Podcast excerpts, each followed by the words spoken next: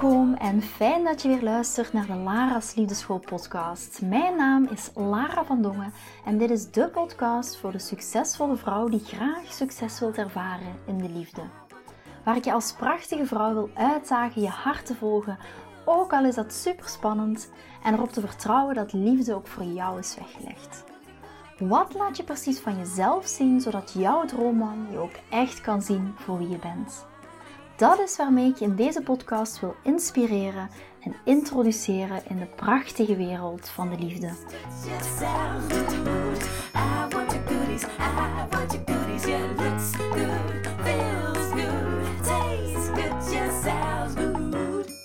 Vorige week was ik te gast in de podcast van Marieke. Marieke heeft een podcast en die heet Het Stiefmoederparadijs, waar ze het heeft over samengestelde gezinnen, de rol van de bonusmoeder, de bonusvader, uh, hoe daarmee om te gaan, welk effect dat heeft op je relaties. Uh, fantastische podcast. En ik was bij haar te gast om het te hebben over relaties, om het te hebben over daten, om het een stukje te hebben over mijn eigen bonusmoederschap. En Nick is ook mijn uh, bonuszoon, uh, stiefzoon, hoe dat we het dan ook mogen noemen. Uh, uiteindelijk in de name.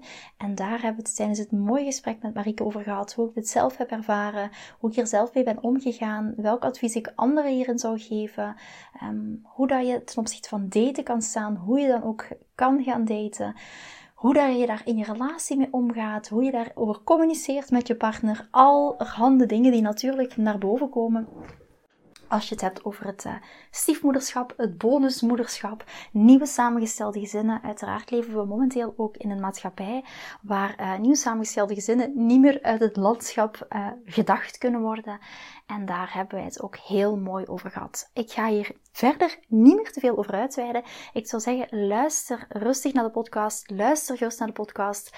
Ja, haal er de dingen uit. Misschien ben je zelf nu ook wel bonusmoeder, uh, bonusvader. Uh, misschien herken je wel jezelf in bepaalde worstelingen waar je mee worstelt, ook in het bonusmoederschap. Of misschien ben jij zelf geen bonusmoeder, maar ben je gescheiden en gaat jouw uh, kind om de week naar de vader met een nieuwe bonusmoeder. Kan ook zijn. Ik ben heel benieuwd wat je ervan gaat vinden. Geniet lekker van deze aflevering en uh, ja, je gaat het vanzelf wel voelen. Oh ja, en natuurlijk, voor ik het vergeet te zeggen, ik kreeg vandaag heel veel vragen van dames die zeggen van, kijk Lara, kan ik me nog aanmelden voor de liefdesmarathon? Zijn er nog plekken voor de liefdesmarathon? En tot wanneer kan ik me aanmelden? Dus uh, misschien ook heel fijn dat ik daar heel even hier ook op terugkom. Um, je kan je nog aanmelden, maar je kan je aanmelden tot en met 19 oktober. En dan gaan de deuren dicht, want dat is de start uiteraard van de eerste masterclass. Misschien vraag je wel af, ja, wat is dat nu überhaupt? Uh, de liefdesmarathon. In oktober en november ga ik vanaf 19 oktober zeven masterclasses geven, waarvan elke week één masterclass in oktober en november met een bepaald topic voor dames die aan het daten zijn, maar ook dames in een relatie, waar dat we naar de next level gaan van je liefdesleven, waar we gaan duiken in vrouwelijke energie, waar we gaan kijken wat als hij afstand neemt, hoe word je nu een magneet voor je droomman, hoe ga je in recordtijd de man aantrekken bij, die bij je past, hoe ga je nu communiceren vanuit je vrouwelijke energie en waar je ook in de laatste masterclass al je vragen nog aan mij persoonlijk kan stellen. Dus je zal zien, het gaat echt over een liefdesmarathon. We gaan voor de liefde op lange termijn, niet op korte termijn. Vandaar ook een marathon. Ik, uh, ja, ik zorg ervoor dat jij als single naar een relatie gaat op de lange termijn. Dat is ook echt de basis waarvan ik uitga. Maar ook als je momenteel in een relatie bent en zoiets hebt van, oh, ik heb echt het gevoel dat mijn relatie in het slop zit. Ik weet niet meer hoe ik ermee moet omgaan. Um, dan gaan we lekker samen marathonnen, zou ik zeggen. Dus je kan je nog aanmelden tot en met 19 oktober. En dan gaan de deuren wel degelijk dicht. Dus wacht zeker niet te lang, want ik heb ook geen onbeperkte plekken. Want um, ja, binnenin um, het systeem waar ik de masterclasses in geef, zijn er ook maar een beperkt aantal plekken. Dus uh, gewoon niet te lang wachten. Geniet heerlijk van deze fantastische podcast met Marieke. Hallo lieve luisteraars. En jullie weten, ik vind het altijd leuk eigenlijk om een gast te hebben. En gelukkig uh, heb ik die. Ik heb namelijk uh, Lara in de podcast. Lara van Lara's Liefdeschool. En ik ga haar heel gauw zelf het woord geven, zodat ze zichzelf kan voorstellen. Lara, mag ik jou het woord geven? Yes, dag Marieke. Ik ben uh, eerst en vooral super blij dat ik hier mag zijn. Uh, ik ben ook heel benieuwd wat er weer uit dit interview gaat komen. Misschien dat ik mezelf kort even voorstel. Uh, mijn naam is Lara, ik ben dating- en relatiecoach en als achtergrond uh, ben ik psychologe. En ik help succesvolle vrouwen met succes in de liefde. Dat geldt vooral voor single dames, maar ook voor dames in een relatie die worstelen met een aantal thema's in hun relatie. Dus heel kort. Ja. ja, superleuk. En Lara heeft ook een samengesteld gezin, dus daar gaan we het ook nog met elkaar over hebben. Maar eerst gaan we het eens even over haar uh, mooie werk hebben. Want Lara, hoe ben jij daar zo bij gekomen? Hoe ben je beland in dit werk? Dat is een heel verhaal, eigenlijk heel toevallig. Um, op een gegeven moment, oh, ik ga het proberen de korte versie van te maken, was ik aan het... Uh, ik kwam uit een relatie, uit een, een lange relatie, denk ik zes of zeven jaar, wat best wel een tumultueuze relatie is geweest. Al mijn voorgaande relaties waren ook best wel tumultueus, om het dan zomaar even te noemen. En ik werd single en ik denk dat ik drie of vier jaar single was. Regelmatig wel af en toe ging daten, maar niet echt succesvol was met het daten. Het kwam, uh, kwam niet echt van de grond. Uh, emotioneel onbeschikbare mannen, mannen die soms getrouwd waren, uh, mannen die totaal niet bij me pasten. En het was eigenlijk heel kort samengevat één doffe ellende. Misschien als je momenteel single bent, dat je dat wel herkent voor jezelf. Dat je denkt van, oh, het lukt me niet, komt niet van de grond. Waarom krijg ik elke keer van deze relaties op mijn pad? En toen ging ik mezelf op een gegeven moment vragen stellen van hoe komt dat? Ik zeg altijd, als je één keer iets meemaakt, pech. Twee keer, mm, ga observeren wat er gebeurt. Maar drie keer is er ergens wel een patroon van mm, die emotioneel beschikbare mannen die bleven op mijn pad komen. Dus ik dacht, ik wil me hierin verdiepen. Hoe komt het dat mijn relaties zo, zo moeilijk gaan? Hoe komt het dat, het dat het voor mij... Ja, ik, ik kom niet de man tegen die bij me past. Hoe komt dat dan? En ik ging me daarin verdiepen. Heel kort op de bocht. Ik, uh, ik volgde mijn opleiding tot uh, psychotherapeute. Ik ging mij verdiepen in de energie tussen... Uh, de balans tussen man mannelijke en vrouwelijke energie. En um, ik, ging, ik nam ook een, een Amerikaanse coach onder de adem en ik dacht, oké, ik wil meer in gaan verdiepen. Dus dat deed ik. En na een paar weken begon je echt al effect daarvan te zien. Hè. Dus ik kreeg veel betere mannen op mijn pad. Ik ging natuurlijk ook heel erg... Het lijkt zo van, oh ja, de tien dingen die op Google opzoekt, hoe gaat je man om je vinger winden? Ja, zo was het niet. Het was heel veel interne processen binnen in mezelf, triggers binnen in mezelf waar ik tegenaan liep. En uh, daar ben ik echt mee aan de slag gegaan. Op een gegeven moment begonnen mijn vriendinnen in mijn omgeving te merken van, hé, hey, dat werkt, Lara. Ik kwam niet meer met die sad stories van, oh nee, weer zo'n man. Maar ze zagen echt progressie. En toen zei, waren ze nieuwsgierig. En toen zei ik, weet je wat is? Kom naar mijn, naar mijn thuis, we gaan lekker een wijntje drinken op mijn woonkamervloer en we gaan kijken hoe dat we dat kunnen gaan doen. En zo werd dat van twee vriendinnen naar vijf vriendinnen, naar tien vriendinnen, naar twintig, naar vijfentwintig. Natuurlijk eh, nichtjes en, en, en, en nog eh, familie en collega's van, van, van. En je kent dat zo. En toen zaten we op mijn woonkamervloer in Antwerpen en toen zijn we dat eigenlijk gaan testen, hoe raar dat dat ook klinkt. Maar kijk, oké, wat werkt, wat werkt niet, wat werkt voor mij? En zo is dat uitgegroeid naar, ja, op een gegeven moment uh, ging ik in, want ik woonde in Antwerpen heb ik een, ben ik een zaal gaan huren tot 100 vrouwen. En zo is dat eigenlijk van het, van het offline gebeuren nu naar het online gebeuren gaan. Dus het is eigenlijk heel organisch gegroeid door vanuit mijn eigen situatie, ja, mijn vriendinnen en zo ja, uitgegroeid tot Lara's Liefdeschool, waarvan ik dacht van, hey, dit is interessant, heb ik een zeven stappen methode ontwikkeld.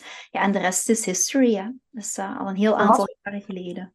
Want wat veranderde in jou dan, Lara, waardoor je andere mannen aan ging trekken, mannen die uh, beter voor je waren? Ja, natuurlijk, dat zijn heel wat interne processen geweest, maar het grootste was bijvoorbeeld, ik trok emotioneel onbeschikbare mannen aan.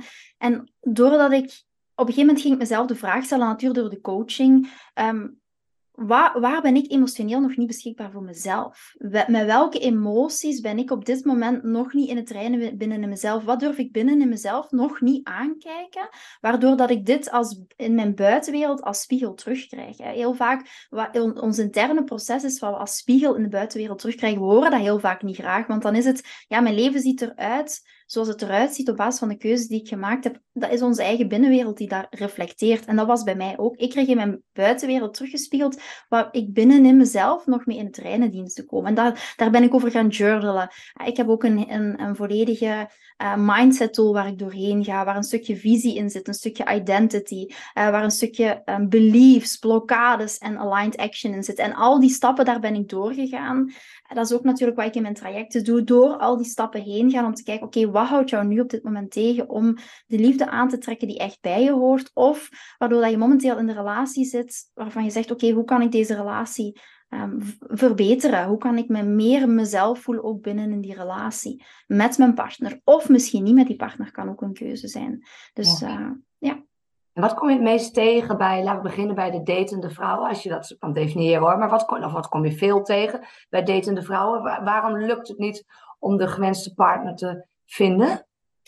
Nu, ik heb daar een hele zeven stappen methode eh, voor om daar doorheen te komen. Maar één, laten we zeggen, als ik er één moet benoemen, is dat toch wel vaak de angsten voor intimiteit. En dan heb ik niet angsten voor fysieke intimiteit, maar angsten voor emotionele intimiteit. En waarschijnlijk als je naar luistert, gaat je, ga je zoiets hebben van, oké, dat is niet op mij van toepassing, want eh, ik sta open voor een relatie. Ik wil heel graag een relatie. Daar zit geen angst op. En maar angst voor intimiteit, dat is natuurlijk een heel spectrum van angst. En ik zei dat tegen mezelf ja, maar ik sta open voor die relatie. Ik wil echt die relatie. Ik heb geen angst voor intimiteit.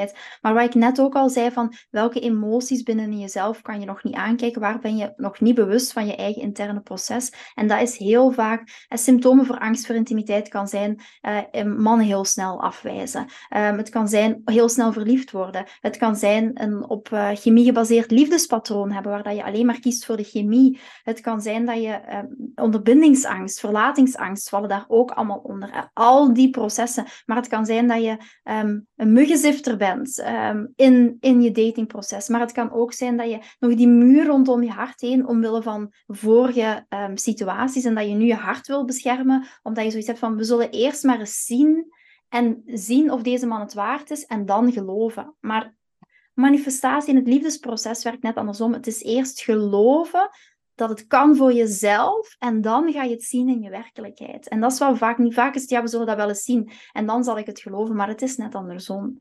Um, en als ik dan één ding moet benoemen, zijn het echt wel de angst voor intimiteit. Als ik dat zie in mijn trajecten, daar gaan we zeven of acht uur lang daar, daar, daarop door. En hoe, welke mooie inzichten daaruit komen qua dames. En dat ze zoiets hebben van, oh, dat is echt een, een, een, een ja, een aha-moment, zou ik maar zeggen. En dat was het voor mezelf ook, dat je soms beseft van, hey, het is iets in mijn eigen binnenwereld om eerst aan te kijken, vooraleer dat het zich kan manifesteren in mijn buitenwereld.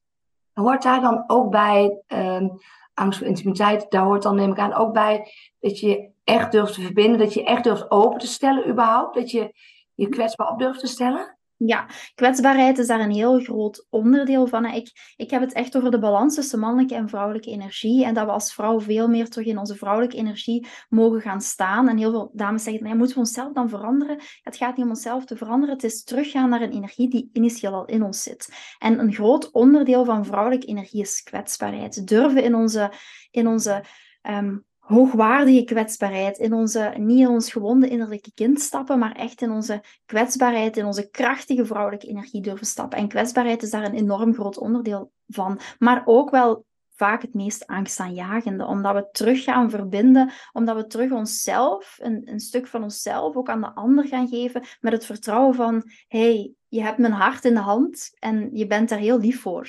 Ja, wil dit zeggen, ga er zorgvuldig mee om. Ja, ja. ja, ja, ja. Hey, en als je in relaties kijkt, want uh, ja, ik zit natuurlijk in het traject nadat er gescheiden is. Uh, er gaan steeds meer mensen scheiden, relaties uh, stranden snel om allerlei redenen. Waar zie je in relaties waar mensen het meest mee struggelen? Als je kijkt naar vrouwen en mannen, is dat dan nog verschillend? Mm -hmm. Als ik dan kijk naar vrouwen, want ik begeleid hoofdzakelijk, ja. uh, hoofdzakelijk vrouwen. Als ik dan kijk naar vrouwen, komen we toch ook wel weer terug op die, dat stukje vrouwelijke energie. En wat bedoel ik daarmee? Vrouwelijke energie is ook overgave. Vrouwelijke energie is niet alle ballen in de lucht houden. Vrouwelijke energie is ook ontvangen. Uh, vrouwelijke energie is ook um, een stukje je eigen grens durven aangeven. Uh, vrouwelijke energie is ook Um, niet continu in de actiestand staan, niet continu in de staan. En wat doen, misschien herken je dat voor jezelf wel, binnen ons gezin staan we in de actiestand. Zorgen voor is ook mannelijke energie. En vrouwelijke energie is net overgave, is zijn energie, is niet doe-energie, een actiegerichte energie. En wat merk ik in heel veel gezinnen,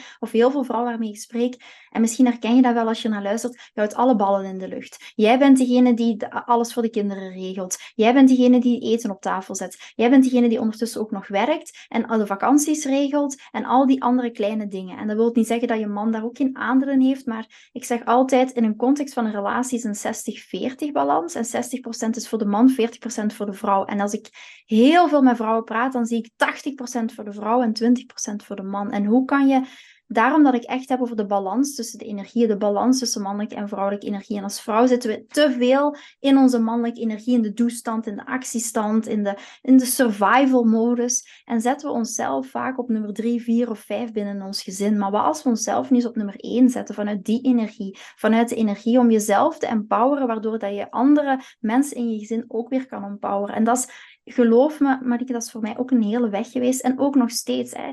Kijk niet naar mij en denk, oh ja, Lara, haar liefdesleven, dat loopt perfect. Hè. Laat ons zeggen dat 90% van mijn relatie goed gaat. Chris en ik, we zijn onlangs ook getrouwd. Eh, we hebben een hele mooie relatie, een relatie die ik nooit heb gehad. Maar is dat altijd perfect? Never. Ik stap ook hm. nog in mijn mannelijke energie. Ik zit ook nog in de toestand. Hè. Want het gaat niet om, hoe moet ik perfect in mijn vrouwelijke energie zijn, maar hoe kan ik meer in mijn vrouwelijke energie En hoe kan ik meer naar die vrouwelijke energie ook gaan toevoelen? En dat is vooral het belangrijkste. Zonder dat je continu in de toestand staat en al die ballen gaat hoog houden. En dat is een heel belangrijke daarin. En dat is wat ik te veel zie terugkomen in relaties, dat um, wij als vrouw nog heel veel in de toestand en in de actiestand komen. Ja, je zegt 80-20 en je zou toe moeten naar 60-40. Hoe kom je mhm. dan bij 60-40? Mm Vooral ook, weet je, heel vaak, en dat is natuurlijk, ehm, dat is geen kort door de bocht, ik zou een to magische toverstok willen hebben en te zeggen, dit is het antwoord, maar er zijn een aantal stappen voor. Hè. Eerst en vooral is het echt in je vrouwelijke energie stappen, en daarna maar ook een stukje communicatie vanuit jouw vrouwelijke energiecommunicatie. Grenzen aangeven is daar ook een heel groot onderdeel van, maar zo ver mogelijk wegblijven van je gewonde innerlijke kind. Een heel concreet voorbeeld. Stel je voor, je hebt tegen je man al honderd keer gezegd, schat, uh, je hebt de vuil, je vuilbakken nog niet buiten gezet. En elke keer wordt dat dezelfde discussie. Wat gebeurt er dan? Je wordt boos, je wordt gefrustreerd. Het is altijd hetzelfde. En ik sta er alleen voor en jij draagt niks bij in het gezin. Dus die frustratie die dan oploopt en oploopt, en dat zul je in, heb je in samengestelde gezinnen ook, nieuw samengestelde gezinnen, die frustratie die oploopt. En dan is het altijd, oké, wat niet werkt, is door die langspeelplaten zijn die dat continu herhaalt. Hoe kan je zo'n situatie omdraaien? En dat is de vraag eerst om jezelf te stellen. Hoe kan ik dingen anders doen? Dat is heel praktisch voor jezelf als je naar luistert. Wat is de eerste stap die je hierin kan nemen? Wat kan je op dit moment anders doen? En bijvoorbeeld een van de tools die ik dan gebruik, en um, sorry voor mijn taalgebruik, maar dan gaat het wel binnenkomen. Hoe kan je de held in hem aanspreken in plaats van de klootzak? De klootzak is zeggen tegen hem: Je bent een klootzak, je doet de vuilnisbakken niet buiten uh, gooien. En uh, het is altijd hetzelfde met jou. En, en, en. Maar je kan ook de held in hem aanspreken. Dat is, dit is nu een heel praktische tool, maar dit zou één praktische tool kunnen zijn. Schat, ik merk dat de aantal dagen al de prullenbakken niet zijn buiten gezet. Um, kan ik ergens mee helpen? Wat maakt dat dat jou niet lukt? Weet je, dan ga je al een andere insteek en ga de held hem dan in hem aanspreken. Dus hoe alles wat je nu op dit moment doet, is als vrouw wil ik echt uitdragen, die langspeelplaat die je bent, gaat niet werken. En de eerste vraag is dan, hoe kan je zo'n dynamiek omdraaien? En dat kan op allerlei manieren maar ook vooral ook een stukje in de overgave. De valkuil vaak voor heel veel vrouwen, ook nog steeds voor mij, maar ook heel erg geweest in, de, in het verleden, is om dingen te gaan overnemen vanuit controle-energie. Vanuit controle, het, het, controleren van de situatie. Vanuit een verwachtingsenergie die we bij onze partner leren leggen. Dit is mijn verwachting van jou en dit moet dan nu ingelost zijn. En hoe kan je die controle meer loslaten? Hoe kan je meer in de overgave gaan?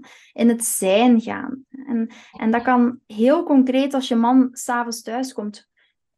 Hoe ga je van je mannelijke energie, waar je de hele dag in zit, naar je vrouwelijke energie? En dat kan door heel kleine praktische dingen, maar gewoon daar al bewust van zijn. Van oké, ik zit nu in die mannelijke energie. Als mijn man s'avonds thuis komt, dat is meestal rond een uur of zes, half zeven. En als ik op kantoor ben, dan ben ik heel bewust van oké, ik ga heel eventjes in mijn vrouwelijke energie zakken. En dat doe ik niet voor hem.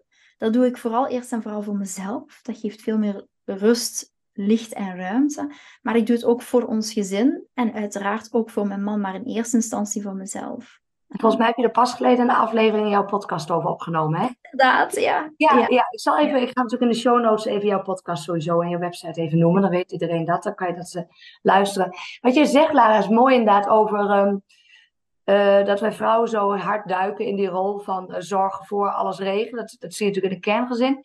En de extra dimensie, dat even het bruggetje naar inderdaad de bonusmoeders. Daar lopen de bonusmoeders ook heel veel op stuk. Hè? Want dan gaan ze door in dat patroon van heel hard zorgen en redden en alles regelen. En daar komen dan echt die stiefdynamieken ook aan bod. Dat dat dus eigenlijk daar nog, nog minder goed werkt. Omdat ze zich dan heel erg teleurgesteld voelen. Of, of omdat ze op de vingers getikt worden dat ze te veel doen door de biologische moeder. Of omdat ze erkenning en waardering niet krijgen.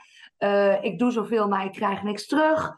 Uh, nou ja, dus het is wel heel interessant inderdaad. Hoe dat, ja, daar, daar, lopen ze echt veel op stuk. En ik zeg inderdaad, jij, jij had er een ander woord voor. Maar ik zeg inderdaad heel vaak, stop met dat wat niet werkt. Hè? In ieder geval stap 1, net wat jij ook zegt, hou op met, dat, met die langspeelplaats. Want het, oh, het is echt verschrikkelijk. En ik herken dit zo, hè, Marieke, als je dan spreekt over het bonusmoederschap, om het dan zo te zeggen, dat is altijd zo, of het stiefmoederschap. Hè. Wel, plusmama zeggen ze in België, hè? Plusmama, ja, inderdaad, plusmama. Um, ik heb het zelf, wat jij allemaal benoemt, uh, brengt, brengt mij zo wat terug naar back to memory lane. Uh, de frustratie voelen van uh, de vuile onderbroeken moeten wassen. maar verder geen zeggenschap mogen hebben in het, in het ouderschap. Hè. Dat is waar ik, heel, waar ik enorm uh, tegenaan gelopen ben. in, zeker in de beginperiode. In oké, maar wat is mijn rol hier nu in? Heb ik hier wel een rol in? Of ben ik alleen maar voor de was, de plas en het eten maken? En verder heb ik niks te vertellen. En zo die frustratie. Um, eh, heel herkenbaar voor mezelf ook. En, en ja, en misschien ook wel een beetje, zoals ik daar straks ook al tegen jou zei, het kleine gesprek wat we hiervoor hebben gehad. Um, ik, ja, ik, heb daar, ik ben daar eigenlijk nu wel tot een antwoord gekomen, natuurlijk na, na een aantal jaren als bonusmoeder uh, hierin te zitten. En ik denk ook wel ja, dat we heel vaak verwachten dat we vanaf maand één al het perfecte samengesteld gezin zijn. It's, it's a road. It's een, eh, een hele weg, ook voor mij geweest. Um, en als ik zie nu wat ik. Um, ik ben mezelf onderweg ook echt wel tegengekomen. Ik ben heel erg getriggerd in mijn eigen, eigen innerlijke kindstuk van vroeger ook. Hè, de afwijzing bijvoorbeeld. Uh, ben ik wel goed genoeg? Doe ik dit wel goed genoeg? Uh, ben ik wel die perfecte bonusmoeder die al de ballen in de lucht houdt en die de onderbroeken perfect vouwt en die er altijd is voor hè, die volledige verwachtingsenergie waar je dan in zit? En het ergste van alles, en dat is vanuit, misschien vanuit mijn stukje enorm kwetsbaar die verwachting ook bij je bonuskind um, neerlegt. Hè? Dat, dat je dat, en daar ben ik niet altijd trots op, dat moet ik heel mm. eerlijk zijn als je daar achteraf op terugkijkt, maar ook wel die verwachting bij het kind van ja, je, je dient dankbaar te zijn. Ja. Je moet dankbaar zijn, kijk eens wat ik allemaal voor je doe vanuit die dynamiek. En natuurlijk, ja, onze jongste zoon, mijn, mijn bonuszoon, ik noem hem eigenlijk altijd mijn zoon, maar mijn bonuszoon, Nick is 15 en onze jongste is 3. Ja, en eh, nu, je gaat dat van je eigen kinderen ook niet terugkrijgen op die manier. Uh, nee zoals je altijd zou willen. En dat is wat ik nu enorm heb geleerd de afgelopen jaren. Um, en ook die verwachting leggen we dan bij een kind neer van ja, maar een kind moet daar dan toch dankbaar voor zijn. En ja, heel die dynamieken vanuit mijn eigen getriggerde zelf. En, en nu merk ik wel, zoals ik daar straks benoemde, van um, ja, nu de opvoeding is niet aan mij. Ik ben er als bonusmoeder en ik ben er inderdaad om, om al die andere dingen ook te faciliteren binnen in mijn gezin voor mijn bonuszoon. Maar de opvoeding is niet mijn stukje. En van het moment dat ik dat heb losgelaten, die controle heb losgelaten, die verwachting heb losgelaten, is het zo mooi om te zien wat een zo'n mooie dynamiek die er ook ontstaat met mijn bonuszoon. Maar ook met, met, met eh, zijn andere kerngezin, met zijn moeder, met, met zijn nieuwe bonusvader. Ehm, van het moment dat ik dat heb kunnen loslaten. En dat is waar hij, hij voelt dan ook ruimte, denk ik. Hè? Tenminste, we zitten er soms te veel op, waardoor het bonuskind ook helemaal verstikt en benauwd zijn van ik moet van alles en, en mens wil van alles van me. Ja, ja. Uh, knap. Want hoe lang ben je samen met Chris? Even voor de context. Uh, nu acht jaar. Ah, mooi ja. ja. Want hoe vond jij het toen jij een relatie kreeg met Chris en je hoorde dat hij een zoon toen had van zeven, als ik het goed zeg? Ja, ja. Uh, op dat moment, heel eerlijk gezegd, heb ik daar niet zo over nagedacht. Maar ik denk dat heel veel bonusmoeders zich zelf in... Weet je wat ik heel vaak hoor? En het is misschien om je hart onder de riem te steken. Heel veel mensen in, in de omgeving zeggen dan... Ja, maar je wist toch waar je aan begon? Je weet toch waar je aan begint? Want je wist toch dat hij een zoon had? Ja. Um, weet dat die zoon er is en het daadwerkelijk ervaren in de praktijk is nog een wereld van verschil. Dus als jij nu mensen in je omgeving hebt die tegen jou zeggen, ja, maar je wist toch waar je aan begon? Ja, weet je, dat weet je eigenlijk nooit vooraleer dat je eraan begint. Dus ik begon eraan met de beste positiviteit zoals ik ben. Um, maar de praktijk was best nog wel wat anders. En ook, ik had zelf geen kinderen. En voor mij, ik kwam vanuit een single uh, bestaan. Je doet wat je wilt. Ik had een heel mooi leven. Ik had een heel mooie carrière. En plotseling moest ik rekening houden met een, een zevenjarige die in een structuur zit, naar school gaan en eten. En, en de Chris en ik hadden in het begin ook nog een latrelatie. Dus dan, is het, dan, dan, dan was je, werd je nog niet altijd heel intens mee geconfronteerd. Maar op het moment dat je dan ging samenwonen, maar zelfs ook binnen in onze latrelatie, moest, moesten we daar ook rekening mee houden. Want ik kon niet altijd daar zomaar naartoe gaan, want Nick moest dit. Of, dat, dat, is logisch, dat is, onder, dat is daar onderdeel van. Maar voor mij was dat ik vond dat heel pittig. Zeker omdat ik het gevoel had van, oké, ik moet mijn eigen hele leven aanpassen aan het leven van een zevenjarig kind. En dat, en dat klinkt zo egoïstisch als ik dat nu zeg, maar het voelde voor mij echt wel zo op dat moment. Van, ehm, ja, ik moet mezelf nu mijn leven gaan aanpassen aan een kind. En ik denk misschien als je, ik zie dat nu zelf bij Nio ook, onze jongste, je, je rolt daar makkelijker in. Maar hij was er in één keer. En dan zit je met een dynamiek van, ja, van ouders die uit elkaar zijn en, en rekening houden met een ex-partner en, en daar de wensen en de manier van opvoeden um, die misschien anders is als, als ik dat op dat moment zag. Dus ja, ik vond dat heel eerlijk gezegd, ik ga het niet mooier maken als het is, ik vond dat heel pittig. Ja, ja. Wat heeft jou geholpen? Ja, in ieder geval denk ik al dat stukje opvoeden loslaten. Zijn er andere dingen die jou geholpen hebben om er relaxter in te staan? Ik denk ook vooral het, het vertrouwen op de liefde. Ik denk vooral dat stukje van, weet je, we gaan heel vaak kijken, maar dat geldt ook voor relaties in het algemeen, ook misschien met je, met je liefdespartner zou ik maar zeggen, is wat doet die partner niet en wat zou ik heel graag willen dat die doet? En we vergeten de onderliggende intentie, de onderliggende liefde. Ik zie dat ook binnen in mijn relatie. Ik noem, als je mijn podcast luistert, mijn partner soms kritische Chris, hè, van ik kan soms kritisch zijn. En dan denk ik soms wel, maar wat is mijn stuk daarin? Weet je, ik, ik, zolang dat ik blijf intunen in, de onder, in zijn onderliggende intentie, zonder dat ik alleen ga kijken naar de kritische Chris. En daar heb ik een oefening voor mezelf, dat ik bijvoorbeeld mezelf een aantal maanden heb aangeleerd om drie dingen per dag voor mezelf in te spreken die ik positief vind aan wat Chris doet. Ja. En op het einde van de maand bundel ik dat, stuur ik dat naar hem door met de datum erbij. Maar mij geeft het een goed gevoel omdat ik focus op het positieve. En hem geeft het een goed gevoel omdat hij zich gewaardeerd voelt. Maar dat is wat ik bedoel met kijk naar de onderliggende liefde. Kijk naar de intentie die er wel is. Um, het, het, het, en dat klinkt zo makkelijk allemaal. Want als je mij vijf jaar terug katapulteert, dan had ik ook gezegd van ja, want dit en dit is er niet en dit kan niet. Maar het begint bij jou. Als jij één kleine, kleine verandering binnenin jezelf kan maken, en ook al is dat maar drie positieve dingen aan je bonus kunt zoeken, ook al vind je die op dit moment enorm moeilijk om te vinden, maar als je daarop gaat intunen en kijk eens, als je dat drie maanden doet, wat het gaat doen met jouw gezin. Want het begint vanuit ons. En dat vind ik, nu zeg ik dat met zoveel ease en zoveel gemak. Maar ik voelde heel veel weerstand als iemand dat tegen mij zei, vijf, vijf jaar, zes jaar geleden. Toen voelde ik heel veel weerstand. Toen had ik zoiets van, nee, maar dit is this is not going to make a difference. Hij moet veranderen, mijn bonuskind moet veranderen, mijn partner moet veranderen, de ex moet veranderen, ja. Van de ex moet veranderen, de oma moet veranderen. Maar de enige die, een iets kan veranderen, ben jij. De ander ga je niet veranderen. Alleen door jouw energie te veranderen, gaat de ander met jou meebewegen. Ja. Ja, ja, dat, ja, nee, ben ik wel met je eens inderdaad. En wat me wel opvalt, en jij zegt ook van uh, zie de intentie inderdaad, wat me wel opvalt, gelukkig ook echt, ja, eigenlijk altijd bij mijn eigen klanten. Dus je trekt natuurlijk ook aan wat je uitstraalt, denk ik. Maar ik zie gewoon echt als beide de intentie hebben om het beste met elkaar voor te hebben. Nou, dan kun je bergen bedwingen. Echt. En dan, dan met piepkleine dingen. Gewoon het gevoel alleen al dat je de beste intentie met elkaar hebt. Dat je elkaar voor elkaar wil zijn in hele kleine dingen. Dat je elkaar wil proberen te begrijpen. Dat is echt zo goud waard. Ja. En dat is natuurlijk... En dan zeg je, ja, maar ik heb de beste intentie, maar misschien mijn partner niet. Hè, dat kan. Ehm, maar de enige manier waarop je zijn intentie gaat veranderen, is door jouw intentie goed te houden. En niet, het, niet het idee van oog om oog, tand om tand. Nee.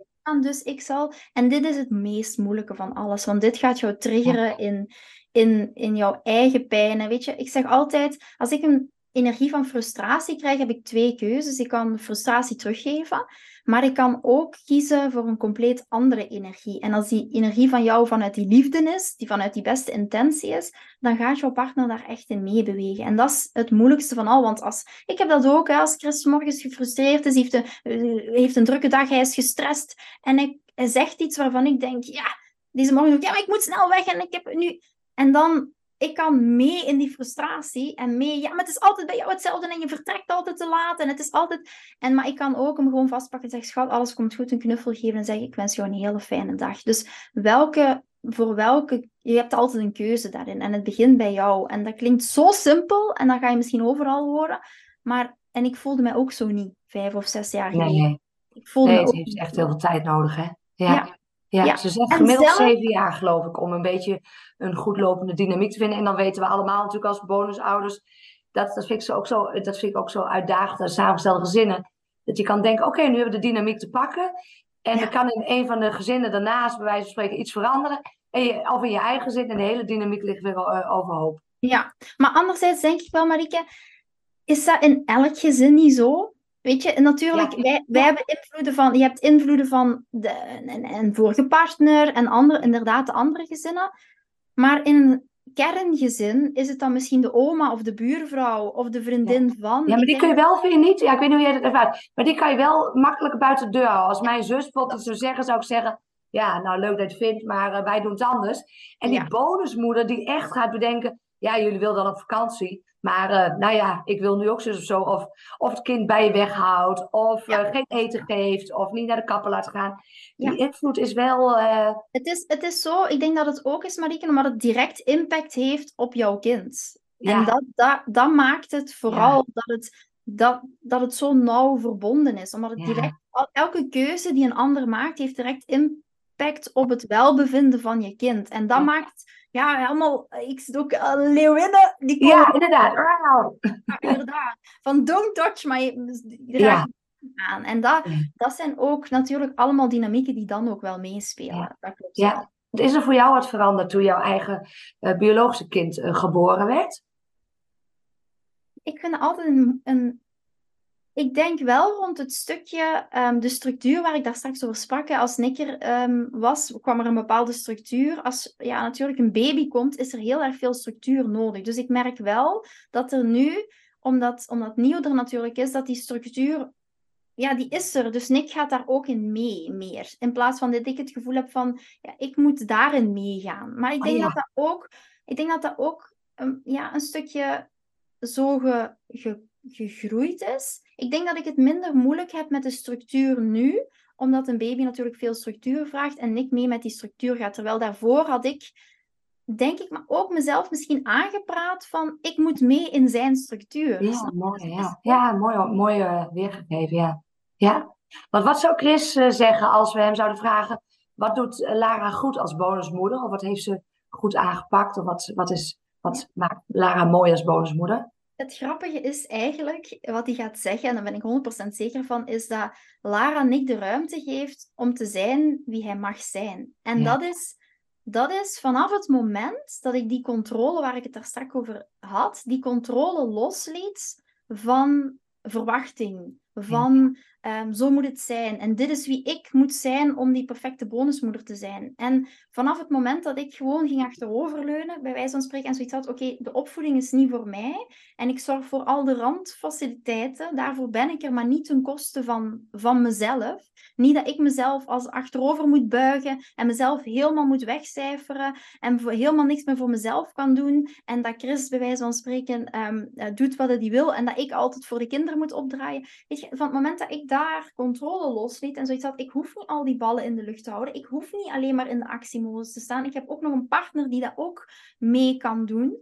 eh, vanuit vrouwelijke energie en natuurlijk hem daar ook inspireren door naar voren te stappen. Want je kunt ook, heel veel mensen zeggen, ja, maar ik heb een luie partner. Ja, als ik met de ex-partner van Chris spreek, kan die ook zeggen van, ja, Chris zat in meer in zijn vrouwelijke energie, terwijl Chris heeft, zit nu echt in zijn mannelijke energie. Dus het is maar hoe je daarmee omgaat. Maar dat zou Chris benoemen als Nick en dat Nick automatisch dan wel naar me toe zal komen, omdat hij de ruimte voelt dat dat kan. En dat is eigenlijk het grappige. dat Chris dat nu gaat benoemen als een van de, van de mooie kanten van mij als bonusmoeder. Maar dat dat eigenlijk mijn interne proces is dat terug naar mij teruggespiegeld wordt van ik heb het losgelaten, dat stuk losgelaten. Dus dat is ook weer heel bijzonder als je er eens over nadenkt. Ja. ja, mooi hè.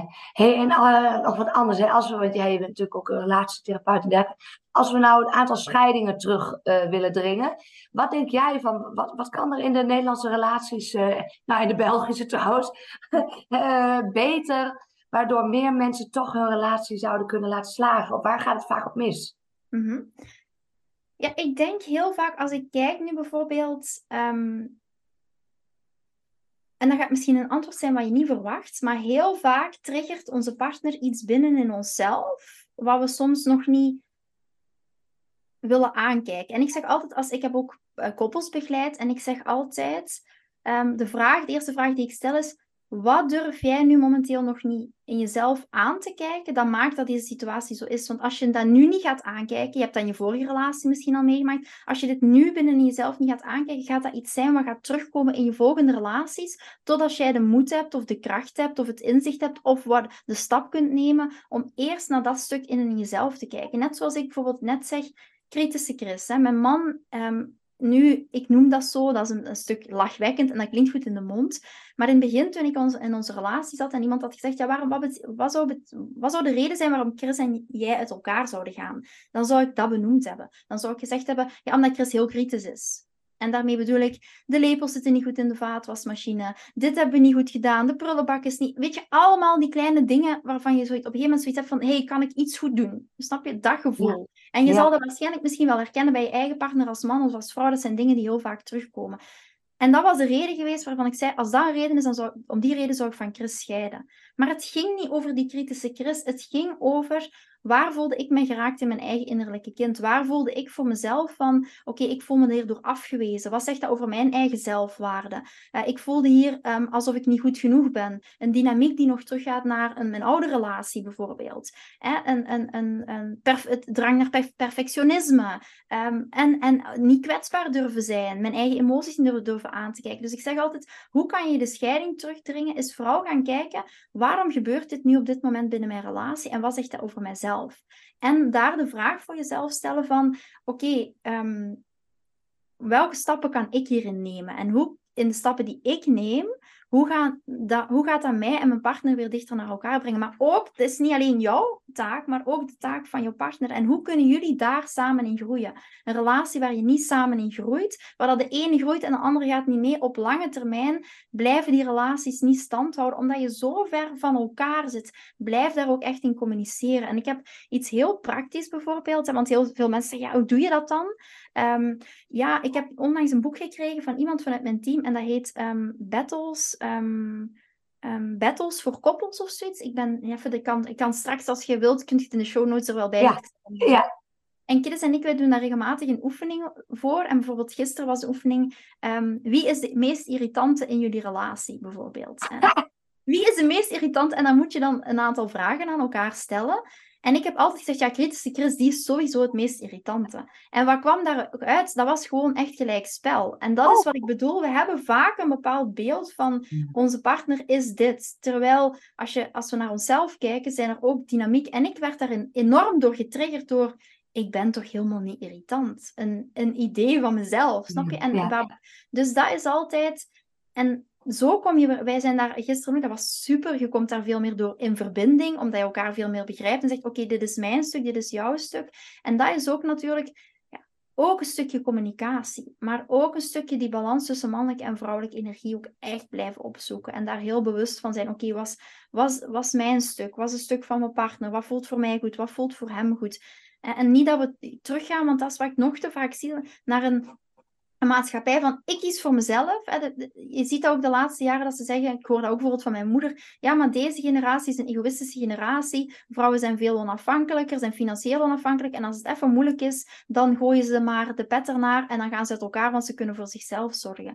En, daar, dat is ook niet daarom dat ik ben voor de balans tussen mannelijke en vrouwelijke energie. Vrouwelijke energie is geen egoïstische energie en zeggen, het wordt te moeilijk en ik, ik gooi er de pet maar naar. Maar is eerder kijken, wat voelt voor mij goed? En mijn, Chris zegt heel vaak, mijn man, happy wife, happy life. Hoe gelukkiger ik ben, hoe, gelukkiger, hoe meer geluk dat dat afstraalt, ook op ons gezin. En dat is altijd, hoe kan ik mezelf daarin gelukkig maken, maar om mijn gezin mede ook gelukkiger te maken. Niet alleen mezelf en mijn gezin kan stikken, bij wijze van spreken. Dus hoe kan je daar een balans in vinden? Ja, dat vind ik wel vaak ook lastig in samengestelde gezinnen. Dat je echt letterlijk, ik hoor vrouwen en mannen best vaak zeggen: Ja, ik ben gewoon afgehaakt op mijn bonuskinderen.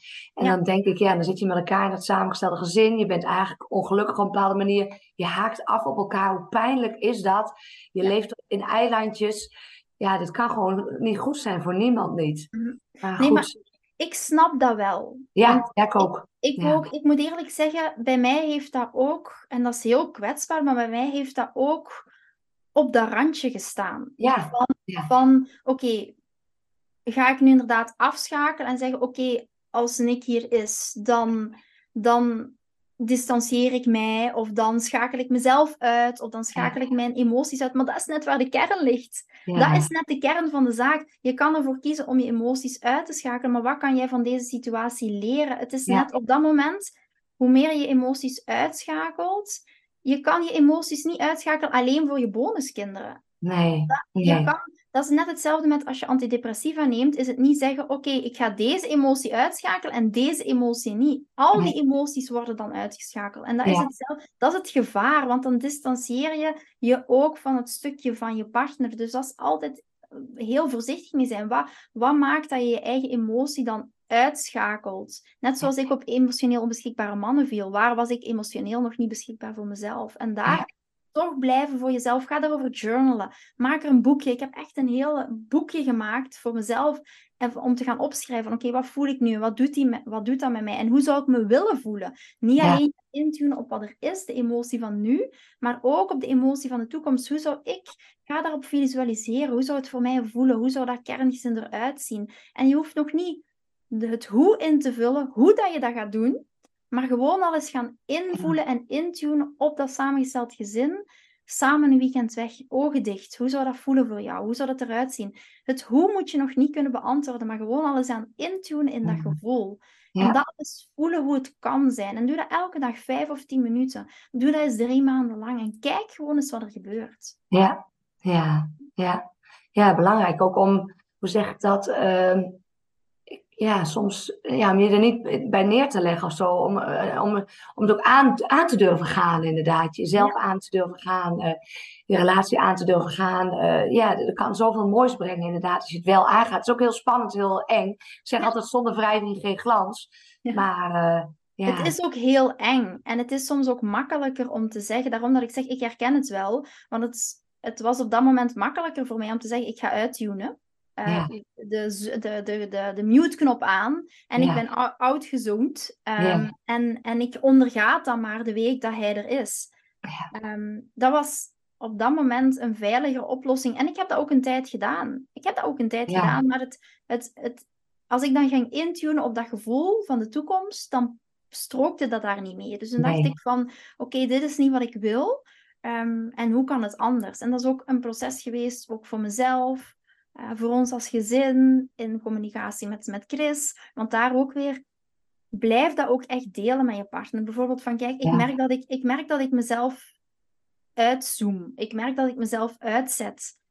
En durf daar ook kwetsbaar in te zijn naar je partner toe. Ik wil dit eigenlijk niet. Alleen weet ik nu niet wat ik moet doen. Ja, hoe het anders kan. Kan, je, kan je mij daarmee helpen? Kunnen we daar elkaar in helpen? Um, dit voelt voor mij enorm kwetsbaar om dit met jou te delen. In plaats van als je uitzoomt, dan is dat heel vaak vanuit, en dat is misschien niet wat je nu wilt horen, maar vanuit een passieve agressiviteit. Vanuit, ja. ja. Dan gaat mijn partner wel zien hoe moeilijk het voor mij is. Ja. En vanuit een gewonde innerlijke zelf. Maar daar ga je niks mee bereiken. Je gaat meer bereiken met te zeggen van kijk, ik heb het gevoel dat ik op de mute-knop druk. Ik wil daar niet op drukken, maar ik zie geen andere uitweg. En ik heb hier, zo, ik heb hier hulp bij nodig. Ik weet niet hoe. Kunnen we daar samen? Hoe sta jij daarin? Hoe zie jij dat? En laat je partner ook praten. Niet vanuit die frustratie dan blijven. Ja. Maar laat hem praten en kijk, kijk wat hij zegt. En dan ga je echt wel, als je dit een paar keer... Verwacht ook niet, want we verwachten heel vaak in één gesprek, nu moet de oplossing komen. Maar er zijn heel vaak een aantal gesprekken voor nodig. Ja. En ook dat gesprek afsluiten en zeggen, oké, we zijn er nu niet uitgekomen, zullen we daar volgende week donderdag nog eens over hebben. Ja. En kijk dan eens wat er dan een volgende gesprek en een volgende gesprek gebeurt. Ja. Want Lara, wat is jouw missie met jouw eh, Lara's Liefdeschool? Wat is jouw missie met jouw bedrijf? Ja. Wat hoop je te bereiken? Of...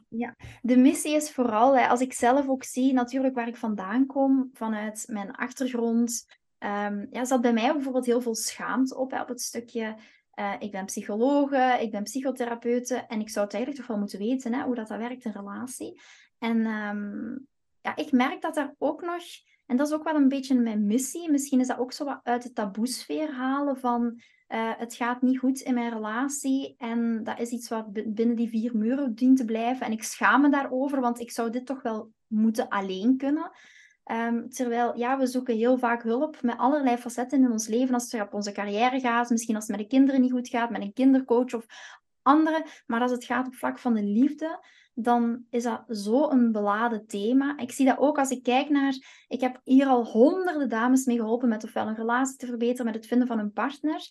En toch, ehm, er staan ook reviews op mijn website, maar dat zijn er, als ik kijk naar al die honderden vrouwen, zijn dat er niet honderd. Nee. Waarom? Omdat daar nog heel veel Ja. schaamte en taboe op ligt van hey, ik heb hier hulp bij gezocht. Eh, Ja. Ik heb hier hulp bij nodig. En dat is ook wel een beetje mijn missie, is om dat ook wel uit de taboesfeer te halen. Van hey, het is oké als het momenteel niet goed gaat in een relatie. Het is oké als het momenteel in je, in je sa- nieuw samengesteld gezin niet helemaal gaat zoals het in andere samengestelde gezinnen gaat. Eh, daar hoeven we elkaar niet voor af te schieten, daar hoef je je niet voor te schamen. Ehm dat uit, ja, een stukje uit de taboesfeer halen en dames een relatie kunnen te laten beleven vanuit jouw vrouwelijke energie, in plaats van de doelstand, de actiestand, de mannelijke energie. Altijd aanstaan, ehm, in de overlevingsmodus staan. Dat is niet wat ik jou als vrouw gun. En dat is echt mijn missie, mijn passie, waarvoor ik hier ben. Ja. Ja, mijn vriend zegt ook wel eens tegen mij net, jij bent stiefoude coach, maar je bakt er zelf soms niks van. Ja. Geloof me. Maar Ja. dat is, en dat is het mooie. Dat is net het mooie van, net zoals ook als je bij mij op mijn socials gaat kijken, dan ga je misschien denken, ja, Lara, Lara relatie en dat is alleen maar rooi lopen. Alles wat op social media zit, is allemaal perfect en zo. Als je naar zou kijken, als je naar mijn podcast luistert, dan hoor je ook dat ik deze morgen ruzie met Chris heb gehad. Dan hoor je ook dat we gisteren een irritatieoefening hebben gedaan, dat we misschien ook eerst geïrriteerd waren en daarna tot heel mooie inzichten kwamen. Het is ook bij mij niet altijd roze geur en maneschijn. Maar 90% van de tijd misschien wel. En vroeger was dat maar 10%. Dus Ja. het is zo, je kan dit wel shiften. Maar Ja. ook in mijn relatie gebeurde ook in jouw stiefgezin gebeuren er dingen waar je niet altijd vat op hebt. Ik denk, als we dat gaan pretenderen, dat we het allemaal voor elkaar hebben, ja, dan ga je de mensen die bij jou komen ook niet kunnen helpen. Want het leven gaat om echtheid. Het leven zoals Ja. het is. En niet alleen maar de perfecte roze wolk. eh. En niemand, er is geen relatie perfect en er is geen samengesteld gezin perfect. Maar Lara, ben jij ook nog eens verhuisd voor de liefde naar Nederland vanuit België? Ja, ja, ja. Ja, ik ben, de liefde heeft me naar Nederland gebracht. Ik, eh, ik woonde altijd in Antwerpen. Altijd. Ik heb vier jaar in Antwerpen gewoond op allerlei plaatsen in België, maar ook ter wereld. En eh, toen heb ik Chris leren kennen en toen ben ik eh, uiteindelijk naar Eindhoven verhuisd. Omdat natuurlijk, ja, Nick die zat hier op school. Ja. Zijn moeder, ja, dat was niet anders. En ik had toen natuurlijk mijn praktijk nog in Antwerpen. Dus voor mij was dat best wel... ja, oké, ik heb hier een succesvolle praktijk. Ik zit in Antwerpen. Ja, hoe ga ik dat? En natuurlijk, dat zijn misschien een beetje de voordelen van de pre-corona. Want ik was natuurlijk hier al online bezig voor de coronatijd. Maar coronatijd heeft dat natuurlijk veel meer versterkt. Omdat je dan Ja. veel meer online eh, zat. Maar de liefde heeft me inderdaad naar Eindhoven gebracht. Dus ik ben, Ja. eh, ik ben nu... eh, ik ben geen Nederlander, want ik heb nog altijd mijn, Bel ik ben Belgisch paspoort. Maar ik, ja, ik ben hier... eh, dit, dit is mijn leven nu de laatste zoveel jaren. Ja. En heb je cultuurverschillen gemerkt in jullie relatie? Eh, ja, toch wel. Ik denk vooral, en Chris natuurlijk, mijn man, die is makelaar en die heeft een, ja, best wel, dat is best wel een pittige, ehm, een pittige werkomgeving soms. Ja, en Nederlanders in het algemeen zijn wel wat directer. Ja. Ehm, dus, en ik, ik heb altijd daarvoor ook in, in, in de regio De Kempen gewoond. En daar is in, in België, en daar is veel zachter. Ay, zachter, ik weet niet of zachter de juiste... Het wordt gewoon minder benoemd. Ja. Eh, en Nederlanders zijn veel directer. En dat, zal ook, dat is ook nog afhankelijk, heb ik begrepen, van de regio waarin je woont. Dus er zijn wel degelijk verschillen. Maar uiteindelijk verlangen we allemaal naar hetzelfde. Uiteindelijk verlangen we naar die verbinding. En en ja, nu ben ik er ook wel echt van gaan houden. Van, weet je, het is soms echt mooi dat de dingen benoemd worden zoals ze zijn. En dat heb ik ook gemerkt als coach. En dat weet je misschien zelf ook, en Marieke, is dat je mensen heel vaak uh, pas vanuit die directheid, pas vanuit van op tafel leggen zoals de dingen zijn, um, veel, veel, sneller stappen kan maken. En dat ja, is, dus dat is het voordeel. Helderend, ja. ja. Ik heb een vriendin die is voor de liefde vanuit Nederland naar België verhuisd, ook in verband met een samengestelde gezin. Oh, echt waar. Grappig, hè? Het kan, ja. uh, het kan allemaal. En het kan alle kanten op. Ja, uiteindelijk, uh, cultuur, tuurlijk zijn er verschillen, maar ik denk hoe meer dat je dat kan omarmen en hoe meer dat je daar kan op in gaan voelen en de mooie dingen ervan kan zien, um, ja, hoe, één, hoe makkelijker je zelf maakt, maar ook ja, hoe, hoe fijner het is om dat ook te voelen van, oké, dit, is, dit is waar ik nu woon, hoe kan ik me hierop aanpassen, wat voelt voor mij fijn en hoe kan je daar een balans in vinden. En ik vind het ook heel mooi om te zien als ik kijk naar mijn groepen bijvoorbeeld, uh, ook in mijn community, ja, het is echt 50% Nederlanders, 50% België. Dus oh, dat grappig. ja, en dat is heel grappig, want we kunnen dat natuurlijk ook zien omdat ze ingeven van oké, ben je van Nederland en België. Ook de podcast. Ik heb deze morgen nog even gekeken. Mijn podcast die heeft uh, uh, 53% Nederlandse dames en de rest zijn Belgische dames. Wat grappig. heb je alleen maar dames die luisteren? Ik, je kunt dat zien hè, als je kijkt naar Spotify. En ik heb 0,1% mannen. Echt? Ja, ik heb ook heel veel vrouwen die luisteren hoor, maar ik heb ook echt wel mannen. Dat is ook logisch natuurlijk. Ja. Oké, grappig. Je hebt niet stiekem mannen die meeluisteren. Maar oh. ja, stiekem mannen. Ja, ja. Maar het grappige is wel, Marieke, dat ik onlangs een, uh, een berichtje kreeg via Instagram van een man. En die zei van, oh Lara, als jij morgen iets voor mannen gaat doen, dan schrijf ik me direct in. Want ik merk dat ik daar ook echt wel nood aan heb. En ik merk, dat is niet de enige man van wie ik dat nee. Ik merk dat bij mannen zoveel meer vraag komt, ook de laatste ja. maanden tot jaren ook van, hey, ik wil mezelf daar ook in ontwikkelen. Maar ik, ik, ik vind zo weinig toe ik, heb, ik wil hier heel graag een antwoord op. Ik weet niet, ik, ik, ik ben aan het daten met deze vrouw, maar ik weet, nu zegt ze dit, wat wil dat dan zeggen? Hoe kan ik hiermee omgaan? Um, dit is wat ik binnen in mezelf voel. Oei, uh, waar komt dat vandaan? Dus ook heel interessant om, uh, wie weet, uh, volgend jaar hebben, nemen we een podcast op, Marieke, en dan zeg ik van, ik, ja. ik, heb ook mannen. Ja. ja. Ik, ik, heb een aanbod voor mannen, inderdaad. Ja, zou leuk zijn. Ja. Lara, is er nog iets wat jij wilt delen over je werk, over het samengestelde gezin, over iets wat je de luisteraars mee wil geven? Mm Ik denk als je het dan hebt over het, het stukje samengesteld gezin. Um, als ik kijk naar mezelf, er zat een heel grote verwachting op bij mezelf. Ik moet dit doen werken, ik moet het ontslagen, dit moet nu werken. En ik wil ook niet zeggen, want ik geloof echt in change is rapid. Ik geloof echt in verandering kan snel. Maar wat, wat zie jij als verandering? Dat ene, als jij zelf als verandering ziet van oké, nu moet alles op rolletjes gaan, it's not gonna happen. Maar die ene kleine verandering kan wel al zijn naar je uh, bonuszoon en jij gaat toevallig jouw eigen kinderen op school afhalen en hij is in de week niet bij jou, maar hij zwaait aan het hek naar jou. Het kan al een, kan al een eerste verandering zijn. Het kan al een verandering zijn dat als je bonuskinderen op vrijdag naar je toe komen en je voelt je altijd een beetje die onrust binnen in jezelf van oh, ze komen er weer aan en je voelt die spanning wat als je voor jezelf gaat, alleen al gaat zoeken naar iets wat maakt dat die spanning voor jezelf al een stuk wegvalt. In plaats van jezelf te verplichten, ik moet er zijn en ik moet... Wat kan jij op dat moment voor jezelf doen, zodat die spanning al verlicht wordt? Als jij dan minder spanning voelt de volgende keer dat ze komen, dat kan al een enorme overwinning zijn. Dus het gaat allemaal in hele kleine stapjes. Of uh, je bonuszoon, uh, die heeft, of, of dochter, uh, heeft een, een turnwedstrijd en je kan er deze keer bij zijn. Of haar moeder staat aan de overkant en jullie jullie, zwaaien naar elkaar. Of het kan, het kan, verandering hoeft niet direct van hier direct naar een werkend samengesteld gezin. Ik wil je van de dingen afhalen. Ook bij ons is dat niet zo. Bij ons werkt ons eh, samengesteld gezin misschien in 95% van de gevallen goed, maar 5% gebeuren er bij ons ook die dingen. En dus verandering zit hem in hele kleine dingen. Verwacht niet dat die verandering van nu maar wel zijn al die kleine stapjes die uiteindelijk gaan leiden tot dat je... Ja, want vaak brengt een kleine verandering ook weer andere positieve veranderingen teweeg. Hè? Dus ripple effect. Zeker. Ja, mooi. Mooi. Dankjewel, Dankjewel Lara. Heel erg bedankt voor je aanwezigheid. Ja, yes, heel graag gedaan, Marik. Ik heb ervan genoten van ons gesprek. En uh, ja, het is ook heel mooi wat je doet als missie. Ik denk dat daar ja, als ik zelf ook uh, zie als psychologe, hoeveel vraag daar naar is, hoeveel mensen hier tegenaan lopen. Want we zitten natuurlijk, ja, er zijn heel veel nieuw samengestelde gezinnen. Ik denk dat dat een heel mooie missie is. Dus heel mooi dat je dat ook doet en dat je dat de wereld in gooit. Ja, meer samengestelde gezinnen laten slagen. Yes, absoluut. Dankjewel. Vind je deze podcast interessant en heb je na het beluisteren van deze podcast het gevoel van yes, mijn tijd is nu. Ik wil ook graag die mooie, verbindende, romantische relatie. Stuur me dan gerust een berichtje naar mijn persoonlijke e-mailadres lara.liefdeschool.com en laat ons persoonlijk connecten. Zoals jullie weten vind ik interactie met jullie geweldig. Dus heb je een vraag over je liefdesleven of loop je ergens tegenaan tijdens een daten of in je relatie, dan kan je me altijd een berichtje sturen.